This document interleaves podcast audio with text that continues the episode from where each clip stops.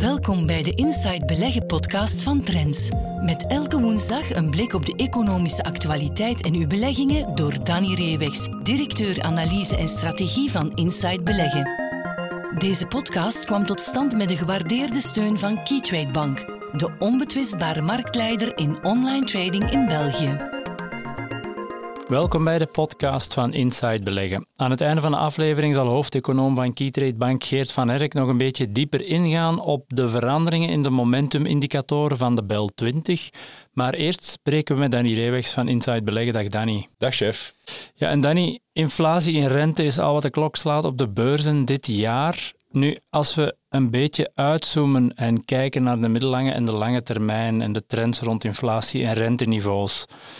Ja, hoe, kijk jij daarnaar? Zitten we in een, in een nieuwe trend wat betreft inflatie en rente? Of denk je dat we teruggaan naar de niveaus en de dynamieken die we voor de coronapandemie daarin kenden? Of hoe sta jij erin? Ja, er zijn twee aspecten. In de, de korte termijn moet je zeggen inderdaad, eh, de rente is wel heel hard opgelopen, omdat die inflatie zo hard gestegen is en dat de centrale banken daar rond uh, nu wel panikeren, waar dat ze vorig jaar niet deden. Ja. Dus in die zin mag je wel verwachten dat er op een gegeven moment wel wat, de komende zes maanden, wel wat terugval zou moeten zijn in die inflatie en, uh, en hopelijk dan ook in de lange rente. Dat ziet er toch wel naar uit. Maar om dan te zeggen, ja, we gaan dan terugkeren, dit was een tijd fenomeen hè, door de combinatie van uh, het einde van die coronacrisis, dat heftiger was, uh, spectaculairder was dan voorzien, en dan de onmiddellijke start van de Oekraïne-crisis, dat daar alleen door te verklaren is en dat we daarna teruggaan naar de situatie van voor 2020, ja, dat denk ik ook niet. Ik denk dat inflatie is, is, is er terug. Mm tuurlijk, op dit moment 10% is, is overdreven. Maar om terug te keren naar die ultralage inflatie van ervoor, dat denk ik nu ook niet dat dat nog gaat uh, gebeuren. En dat betekent ook dat we moeten rekening houden dat die rente niet meer naar uh, 0 of 1 procent zal terugkeren zoals we dat gezien hebben uh, voorheen. Dus dat is toch wel een verandering, een trendbreuk. Die is heel brutaal nu, dat is overdreven. Maar dat we, de, dit even is en dan helemaal terug naar de situatie van het afgelopen decennium, nee, dat denk ik ook niet. Nee, hoezeer sommigen dat ook zouden willen. Ja. Maar om, om, stel dat we nu niet terug naartoe gaan en, en toch in een, een nieuwe dynamiek terechtkomen met structurele hogere rentes. Welke gevolgen zal dat of kan dat hebben voor de aandelenmarkten volgens jou? Ja, we moeten als beleggers, als aandeelbeleggers absoluut beseffen dat we uit een gouden decennium komen met absoluut uh, een abnormaal hoge returns. Hè. Ik kan nog even herhalen dat de, op de Amerikaanse beurs, op de S&P 500, hè, dus de referentieindex van de Amerikaanse beurs, dat je tussen begin 2009 en eind 2021, dus in die 12 jaar tijd, een gemiddeld jaarlijks rendement hebt gehaald van 17 procent. Daar waar over de afgelopen eeuw het gemiddelde 8 à 9 procent. Dus dat is het dubbele. En dat is uh, moeilijk te begrijpen, tenzij je daar kijkt naar het monetair beleid, dat wel heel veel rugwind heeft gegeven. Hè. Die ultra uh, lage rente en die aankopen van obligaties hebben natuurlijk alle assets, uh, activa, ondersteund ook en zeker de aandelen. Voor technologieaandelen op de Nasdaq is het gemiddelde zelfs 23,5 procent in die 12-jarige periode. Dus die gouden tijd is uh, voorbij als er opnieuw inflatie en als opnieuw die lange rente hoog staat, want dan krijg je concurrentie hè, met obligaties, met ander papier. En dan zal het voor aandelen, maar ook voor obligaties en vastgoed veel moeilijker worden om nog zeer hoge rendementen te halen. Dus dat is in die zin wel veranderd. Dat is het algemeen verhaal. En dat is uh, in het bijzonder dan pijnlijk voor uh, tech-aandelen, voor groeibedrijven en voor vastgoedaandelen, uh, die het dan nog beter hebben gedaan. Hè. Bijvoorbeeld een Microsoft, in die periode was het gemiddeld jaarlijks rendement 27% En voor een vastgoedbedrijf, ja. een GVV als WDP, was het 26 en procenten. Ja, dat is natuurlijk uh, uitzonderlijk hoog en dat gaan we niet meer krijgen als die rente uh, niet terugkeert naar het lage pijl van voor 2020. Ja, want beleggers hebben denk ik vaak de neiging of de reflex als ze naar een koersgrafiek zien van te denken dat de toppen die we ooit gezien hebben, dat die binnen het bereik liggen en, en dat we daarom ja, noodzakelijkerwijs terug naar die toppen gaan. Maar je zegt voor tech en vastgoed is dat misschien een denkfout waar we niet te snel moeten intrappen. Ja, dat zal, zal minder evident zijn, omdat je ja, daar toch eh, door die extreem lage rente eh, ja, een enorme uh, waarderings, uh, opwaardering had. Dus je had multiple expansion, zoals men dat noemt. Hè. Dus de waardering werd altijd maar hoger. Dus die koersen zijn gestegen omdat de winstgroei sterk toenam. Ja. Maar zijn nog meer gestegen dan die winstgroei en veel meer omdat er ja, die waardering toenam. Omdat mensen zeiden, ja, dit, hè, daar, door de rente mag die waardering altijd maar meer oplopen. Natuurlijk, als die rente dan terug gaat stijgen, ja, dan moet die waardering terugkomen. Dus uh, fundamenteel gaat het niet slecht met die bedrijven, zeker niet. hè, mhm. maar er is vooral een val in de waardering, omdat de rente stijgt. Dan moet je met andere rentevoeten rekening gaan houden in die modellen. En dan krijg je gewoon een, een, duidelijk lagere waarde, intrinsieke waarde voor die bedrijven. En dat hebben we vooral in 2020 meegemaakt. En dus het zal niet evident zijn als die rente niet meer terugzakt naar het, uh, het ultralage pijl van voorheen. Ja, dan zal die waardering ook op een lager pijl uitkomen. En ze zullen die winsten nog spectaculair moeten toenemen om nog een nieuwe recordkoers te maken. Nou, toch een zekere reality check voor ja. uh, bepaalde beleggers. Nee, goed. En een van de twee aandelen die er voor deze week hebt bijgehaald, dan uh, komen we in eigen land terecht bij het biotechbedrijf Argenix. Nu, het is een van de succesverhalen op de Brusselse beurs, maar ook op de Nasdaq uh, van de afgelopen jaren en er lijkt nog niet meteen een einde aan te komen. Uh, Argenix kwam met derde kwartaalresultaten en die waren niet slecht. Dat is misschien een understatement, maar wat waren daar voor jou de belangrijkste ontwikkelingen in? Ja, het is echt een succesverhaal. Hè. Sinds de start van de beursnotering, op het moment dat die cijfers eerst op de Brusselse beurs goed werden ontvangen, was de koersstijging 5000 procent. Dus uh, de return was 5000 procent sinds de beursgang in 2014. Hè. Dus dat is in acht jaar tijd. Dus dat is echt wel een fenomenaal resultaat voor een uh, bedrijf. En dat kan je in biotech hebben als je dus een succesvol medicijn op de markt kan brengen. En daar ziet het er naar uit met Vivgard, ja. de commerciële naam voor Efgartigimod. Uh, dat Argenix zoiets te pakken heeft, want voor de derde uh, keer op rij, hè, want ze hebben eind vorig jaar de goedkeuring gekregen in Amerika ja. van de FDA, dus sinds begin dit jaar zijn ze beginnen verkopen. En dus we hebben nu al drie keer resultaten van die verkopen en voor de derde keer zijn die hoger dan uh, verwacht. En we zijn nu op 131 miljoen uitgekomen, daar waar 107 miljoen was verwacht. Dus opnieuw beter dan analisten hadden ingeschat. Ja. En dat heeft natuurlijk ertoe geleid dat er het enthousiasme rond dat aandeel toch wel gebleven is. Ja, en zoals je zegt, Vivgaard sinds uh, eind vorig jaar, dus sinds begin dit jaar eigenlijk op de markt in de VS.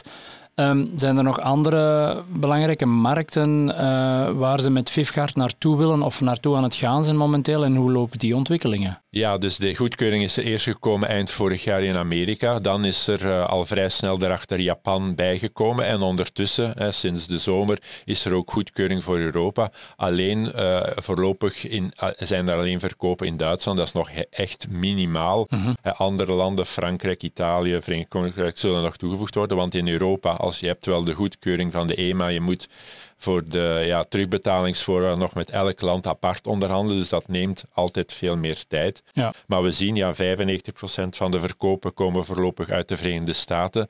Een, een ja, 4,5% uit Japan en dus een eerste halve procent uit, uh, uit Europa. Ja. Uh, ook andere landen zijn er samenwerkingen. Hè, dus dit wordt echt wel wereldwijd gaan verkopen of toch op de alle belangrijke markten. Ja. Voorlopig voor één indicatie, hè, voor de zeldzame spierziekte myasthenia gravis.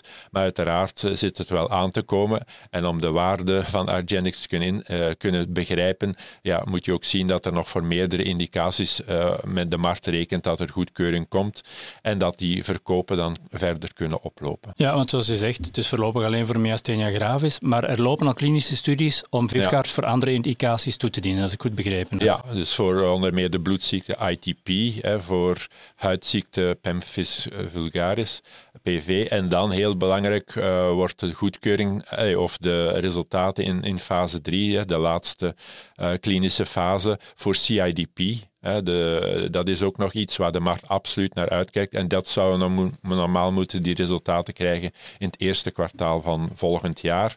Want je ziet, ja, uh, myasthenia gravis alleen is niet meer genoeg. Hè. Die mhm. cijfers zijn goed, maar je ziet, ja, zeker in deze context, dat het aandeel wel stand houdt, maar niet meer echt uh, kan doorstijgen. Dus er zal bijkomend goed nieuws nodig zijn om door die grens van 400 euro echt te kunnen doorgaan. Ja. Dus je hebt voor Vivgaard een uitbreiding naar andere indicaties. Daarnaast heb je ook nog een aantal andere moleculen waar Argenix uh, momenteel rond werkt. Um, hoe staat het daarmee? In welke fase van ontwikkeling zitten die? Ja, daar zijn we nog in de opstartfase. In die zin, ja, eh, Argenix 117, dat is een C2-remmer. Kan ook zo een product worden in, met een pijplijn, dus voor heel wat ja. uh, auto-immuunziekten, zeldzame ziekten, weesziekten, om dat daar te ontwikkelen. Uh, daar gaan we binnenkort naar een tweede fase 2-studie. En voor Argenix 119, dat is dan nog een andere molecule, daar gaan we binnenkort van start gaan met de eerste klinische studie. Dus ja, op dit moment heeft Argenix echt wel meer in huis dan enkel die Vivgar. Ook al kan dat hè, met een, een blockbuster worden. Hè. Er wordt toch geschat dat dat tot 5 miljard dollar omzet zou kunnen genereren. En dan zou het een top 15 geneesmiddel in de wereld worden. Nu, als je ziet naar die waarde, 1, 22 miljard op een gegeven moment voor Argenix, ja, dan weet je dat, dat hier wel wat moet uitkomen. Maar het is een van de meest beloftevolle pijplijnen uh, die er momenteel is in de ja. pharma-biotech-wereld. En vandaar ook dat analisten en beleggers, vooral Amerikaanse, zo enthousiast zijn en blijven voor het uh, bedrijf en voor het aandeel. Ja, is dat ook de reden waarom het stand houdt? Want je zei daarnet, het houdt redelijk goed stand. Dit jaar staat het zelfs al in, in euro's op plus 20 procent, terwijl het eigenlijk als aandeel alle eigenschappen heeft om het slecht te doen. Het is een groeiaandeel met ja. heel veel beloftes in de toekomst. Ja.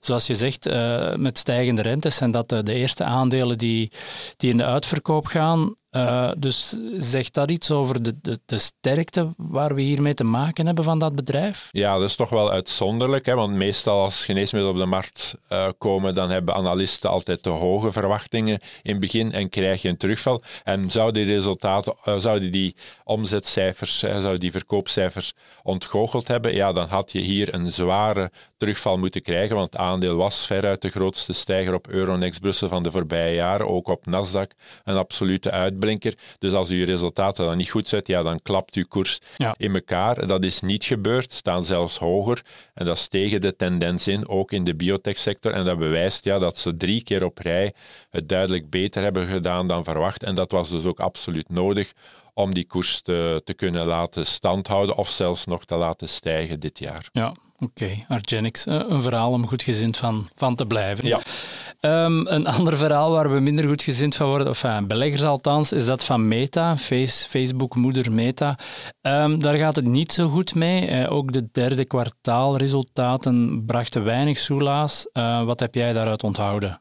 ja, dat nog altijd heel veel gebruikers heeft hè, op zijn apps, zoals Facebook, Messenger, uh, WhatsApp, uh, Instagram. Ja. 3,71 eh, miljard mensen op deze aarde ja, gebruiken toch, of raadplegen toch één keer minstens per maand hun, een Facebook of andere account die ze hebben. Ja, dat blijft een uitzonderlijk verhaal dat daardoor Mark Zuckerberg en zijn ploeg is neergezet de afgelopen jaren. Ja. Alleen, ja, we zitten daar op, op piekniveaus. Ja, dat kan bijna niet meer spectaculair toenemen. En dat zien we dus. Ja, zij moeten het hebben van advertentieinkomsten. 99% van hun omzet komt daaruit. Ja. En dan zie je dat toch wel een piek bereikt is, want voor het tweede opeenvolgend kwartaal is de omzet gedaald. In het derde kwartaal met 4, 7 procent, omdat het door allerlei privacy-maatregelen moeilijker wordt om vooral gepersonaliseerde reclame aan te bieden. En daar werd natuurlijk toch ook wel uh, goed omzet gerealiseerd. Dus je ziet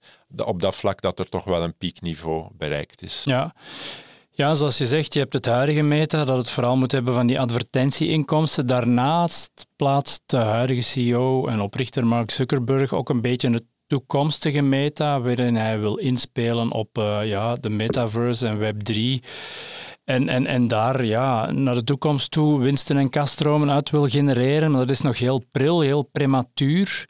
Um, ja, hoe, hoe gaan de markten om met die, ja, met die twee gezichten van Meta, als het ware? Zijn, zijn ze er blij mee? Heb je, heb je het gevoel? Hebben ze er geloof in of eerder het tegendeel? Nee, de, de markt is geschrokken van de massale investeringen die het bedrijf doet, terwijl men daar nog haast geen, hè, en die tweede poot, die toekomstige poot rond de metaverse, uh, nog altijd heel weinig omzet genereert, wordt er miljarden en miljarden ingepompt, omdat Zuckerberg overtuigd is hè, dat dat de toekomst is, dat dat de nieuwe groeifase van het bedrijf moet inluiden, want die eerste jaar is duidelijk dat de groei daar uh, niet meer kan gerealiseerd worden. Alleen zorgt dat nu voor ja, dat die winsten enorm zijn gaan dalen. Uh, omdat ja, die afdeling miljarden verlies boekt. Hè. We zitten nu op drie kwartaal op 9,5 miljard dollar verlies voor, uh, voor die tak. Ja, dat is natuurlijk gigantisch, waardoor de, de groepswinst onder druk staat. Nu, na drie kwartaal is er nog altijd 22 miljard dollar verdiend, maar dat is een pak minder dan we gewoon waren. Vandaar dus dat het aandeel in vrije val was, want het was ook heel hoog gewaardeerd. Ja. Eind vorig jaar, begin dit jaar. Dat is nu helemaal anders. En dat is natuurlijk schrikken, want op een gegeven moment had Facebook, Meta, een beurswaarde van 1000 miljard. Hè, was het in dat kleine clubje, exclusief clubje van biljoen uh, beurswaarden gekomen. Maar nu zitten we terug op een kwart daarvan, hè, rond 240, 250 uh, miljard. Ja. dat is toch wel schrikken als je drie kwart van de waarde ziet verliezen in amper negen of tien maanden tijd. Ja, en is het die alleenheerschappij van Zuckerberg die, die, die ervoor zorgt dat het er momenteel zo slecht aan toe gaat. Want um, ja, hij heeft 10% van de aandelen, maar nog altijd wel de meerderheid van de stemmen. Ja, zitten we hier een beetje in het verhaal van de CEO die, die zijn ongelijk niet wil uh, toegeven? Ja, de, de markt is daar natuurlijk enorm van geschrokken van die gigantische investeringen en de verliezen die hij toelaat. Um, en er zijn dus activistische aandeelhouders naar voren gekomen die zeggen, ja, maar ja, dit kan niet. Hè. Je moet die kapitaaluitgaven voor die nieuwe, je moet dat beperken, bijvoorbeeld tot 5 miljard in plaats van tientallen miljarden, zodat die, ja, die overgang allee, geleidelijk kan gebeuren en dat die winsten niet zo'n dramatische terugval kennen. Want niemand weet natuurlijk ja, gaat dat een nieuw succesverhaal zijn? Natuurlijk, Zuckerberg zegt, ja, ik heb het al één keer kunnen doen, dus ik denk dat ik het nog eens kan. Maar de markt uh, schrikt daar toch van, zegt, dit is een gok. Mhm. Die wordt uh, gewaagd. Alleen, ja, ze kunnen weinig tegen hem inbrengen.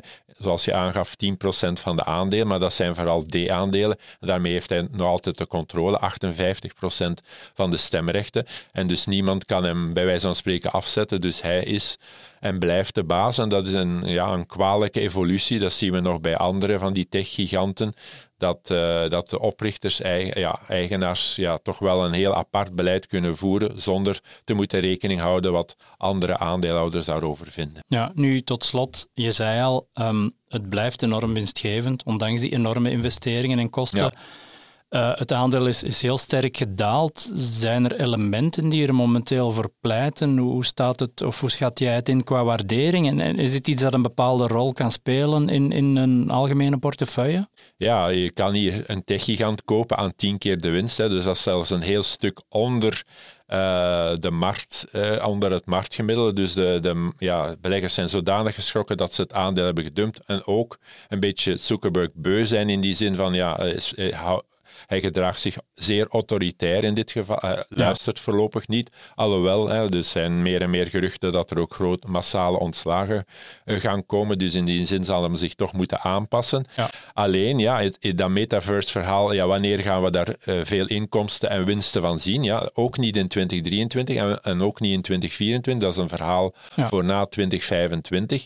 Dus ja, uh, beleggers zijn natuurlijk ook, hebben geen, niet altijd een enorme horizon en, en ja, zeggen ook van ja, gaat dit ooit uh, die, al die investeringen waard zijn? Hè? Uh, met Facebook op zich is het wel gelukt, gaat het hier lukken? Dus dat is een heel moeilijk verhaal, maar misschien ja, dat de markt nu toch wel aan het overreageren is. Een techgigant aan tien keer de winst had iemand dat gezegd een jaar geleden, ja, dat zou voor gek verklaard zijn, maar het is op dit moment wel de realiteit. Dat is inderdaad lang geleden.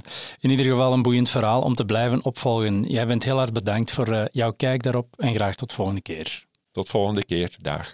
We luisteren nu naar Geert van Herk, Chief Economist van Keytrade Bank, met zijn analyse op een aspect van de economische actualiteit. Hallo iedereen en welkom bij onze wekelijkse bijdrage aan de Inside Beleggen podcast.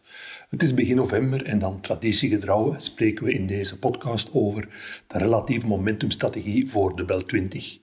Waarop komt deze momentumstrategie voor de Bel 20 neer? Is gewoon, we zoeken eigenlijk naar de best presterende aandelen uit de Bel 20.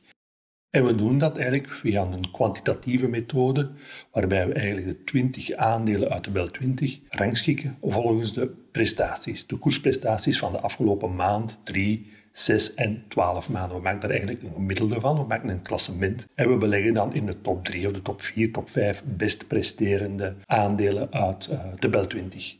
Ik kom alvorens over te gaan tot de strategie voor uh, deze maand in november. Nog even terug op de strategie van oktober. En toen hadden we in deze podcast gesproken over aandelen als Dieteren, Solvay, Argenix en Elia.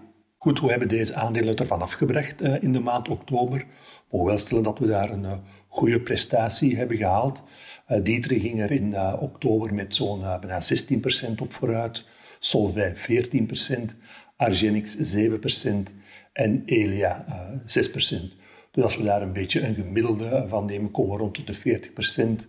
Gedeeld door 4 ja, is uh, een goede 10% winst uh, voor deze vier aandelen als we die in portefeuille zouden gehad hebben. Terwijl de Bel 20 5,85% steeg in de maand oktober. Dus een mooie prestatie van onze strategie in de maand oktober. Goed, laten we even kijken naar deze maand, oktober, uh, november, excuseer me, en we kijken naar de maand november. Goed, ik heb al de cijfers in een uh, Excel-tabel gegoten uh, en gerangschikt. En wat blijkt dan? Ja, het best presterende aandeel met een gemiddelde rendement van het gemiddelde van 1, 3, 6 en 12 maanden is Argenix met bijna 17%, gevolgd door Dieteren, AB InBev en Elia. Dus we zouden eigenlijk deze aandelen, deze vier aandelen, gelijk gewogen in de portefeuille stoppen voor de maand november. Dat wil zeggen dat elk aandeel 25% in de portefeuille krijgt. Vorige maand hadden we ook over uh, Solvay gesproken. Dat staat momenteel eigenlijk op een vijfde plaats. Dus als je het aandeel in portefeuille hebt, hoeft het wat mij betreft uh, niet uh, te verkopen. Maar puur op basis van de Excel-tabel die ik berekend heb voor de maand november, komen we eigenlijk uit op Argenix, Dieteren, AB InBev en Elia. Ik heb ook eh, naar aanleiding van deze podcast een aantal vragen toegekregen van luisteraars die stellen van ja, waarom kies je eigenlijk eh, vier aandelen of vijf aandelen? Ja, dat is puur een kwestie van, uh, van eigen keuze. Je kan natuurlijk ook al je geld stoppen in het best presterende aandeel. Hè. Dat is Argenix op dit ogenblik, dus 100% stoppen in Argenix. U weet natuurlijk, dat is hoog risico. Betekent natuurlijk ook op lange termijn hoog rendement. Maar hè, u weet dat moest Argenix in de maand november iets tegenkomen, kan natuurlijk ook snel naar beneden gaan. Vandaar ook dat ik eerder kies voor een zekere diversificatie. Toch wat meer aandeel in portefeuille om het risico te spreiden. Maar dat hangt natuurlijk ook af van het risicoprofiel uh, dat je voor jezelf hebt uitgetekend. Hè. Ben je iemand die van veel risico houdt, ja, dan zou je bijvoorbeeld ja, Argenix of uh, het aandeel dat op de tweede plaats staat, Dieteren in portefeuille kunnen nemen. Dus twee aandelen, hè, 50% in elk aandeel stoppen. Het komt er gewoon op neer van uh, welk risicoprofiel of welk risico je zelf wil nemen in je portefeuille. Dus dat voor wat betreft de podcast van deze maand. Dus een korte terugblik op de momentumstrategie die we ontwikkeld hebben voor de Bel 20. Dus ik herhaal ze nog even voor de maand november. Argenix, Dieteren, AB InBev en Elia. En we komen natuurlijk begin december opnieuw terug op deze strategie. Bekijken we even wat was de prestatie van deze vier aandelen in de maand november. Hebben zij het beter of slechter gedaan dan de Bel 20? En natuurlijk ook een nieuwe selectie. In ieder geval, dank voor uw aandacht en tot een volgende keer. Tot zover deze aflevering van de Inside Beleggen podcast. Meer tips, advies en analyses voor uw beleggingen leest u morgen in Trends. Volgende week zijn we er opnieuw. Deze podcast kwam tot stand met de gewaardeerde steun van Keytrade Bank, de onbetwistbare marktleider in online trading in België.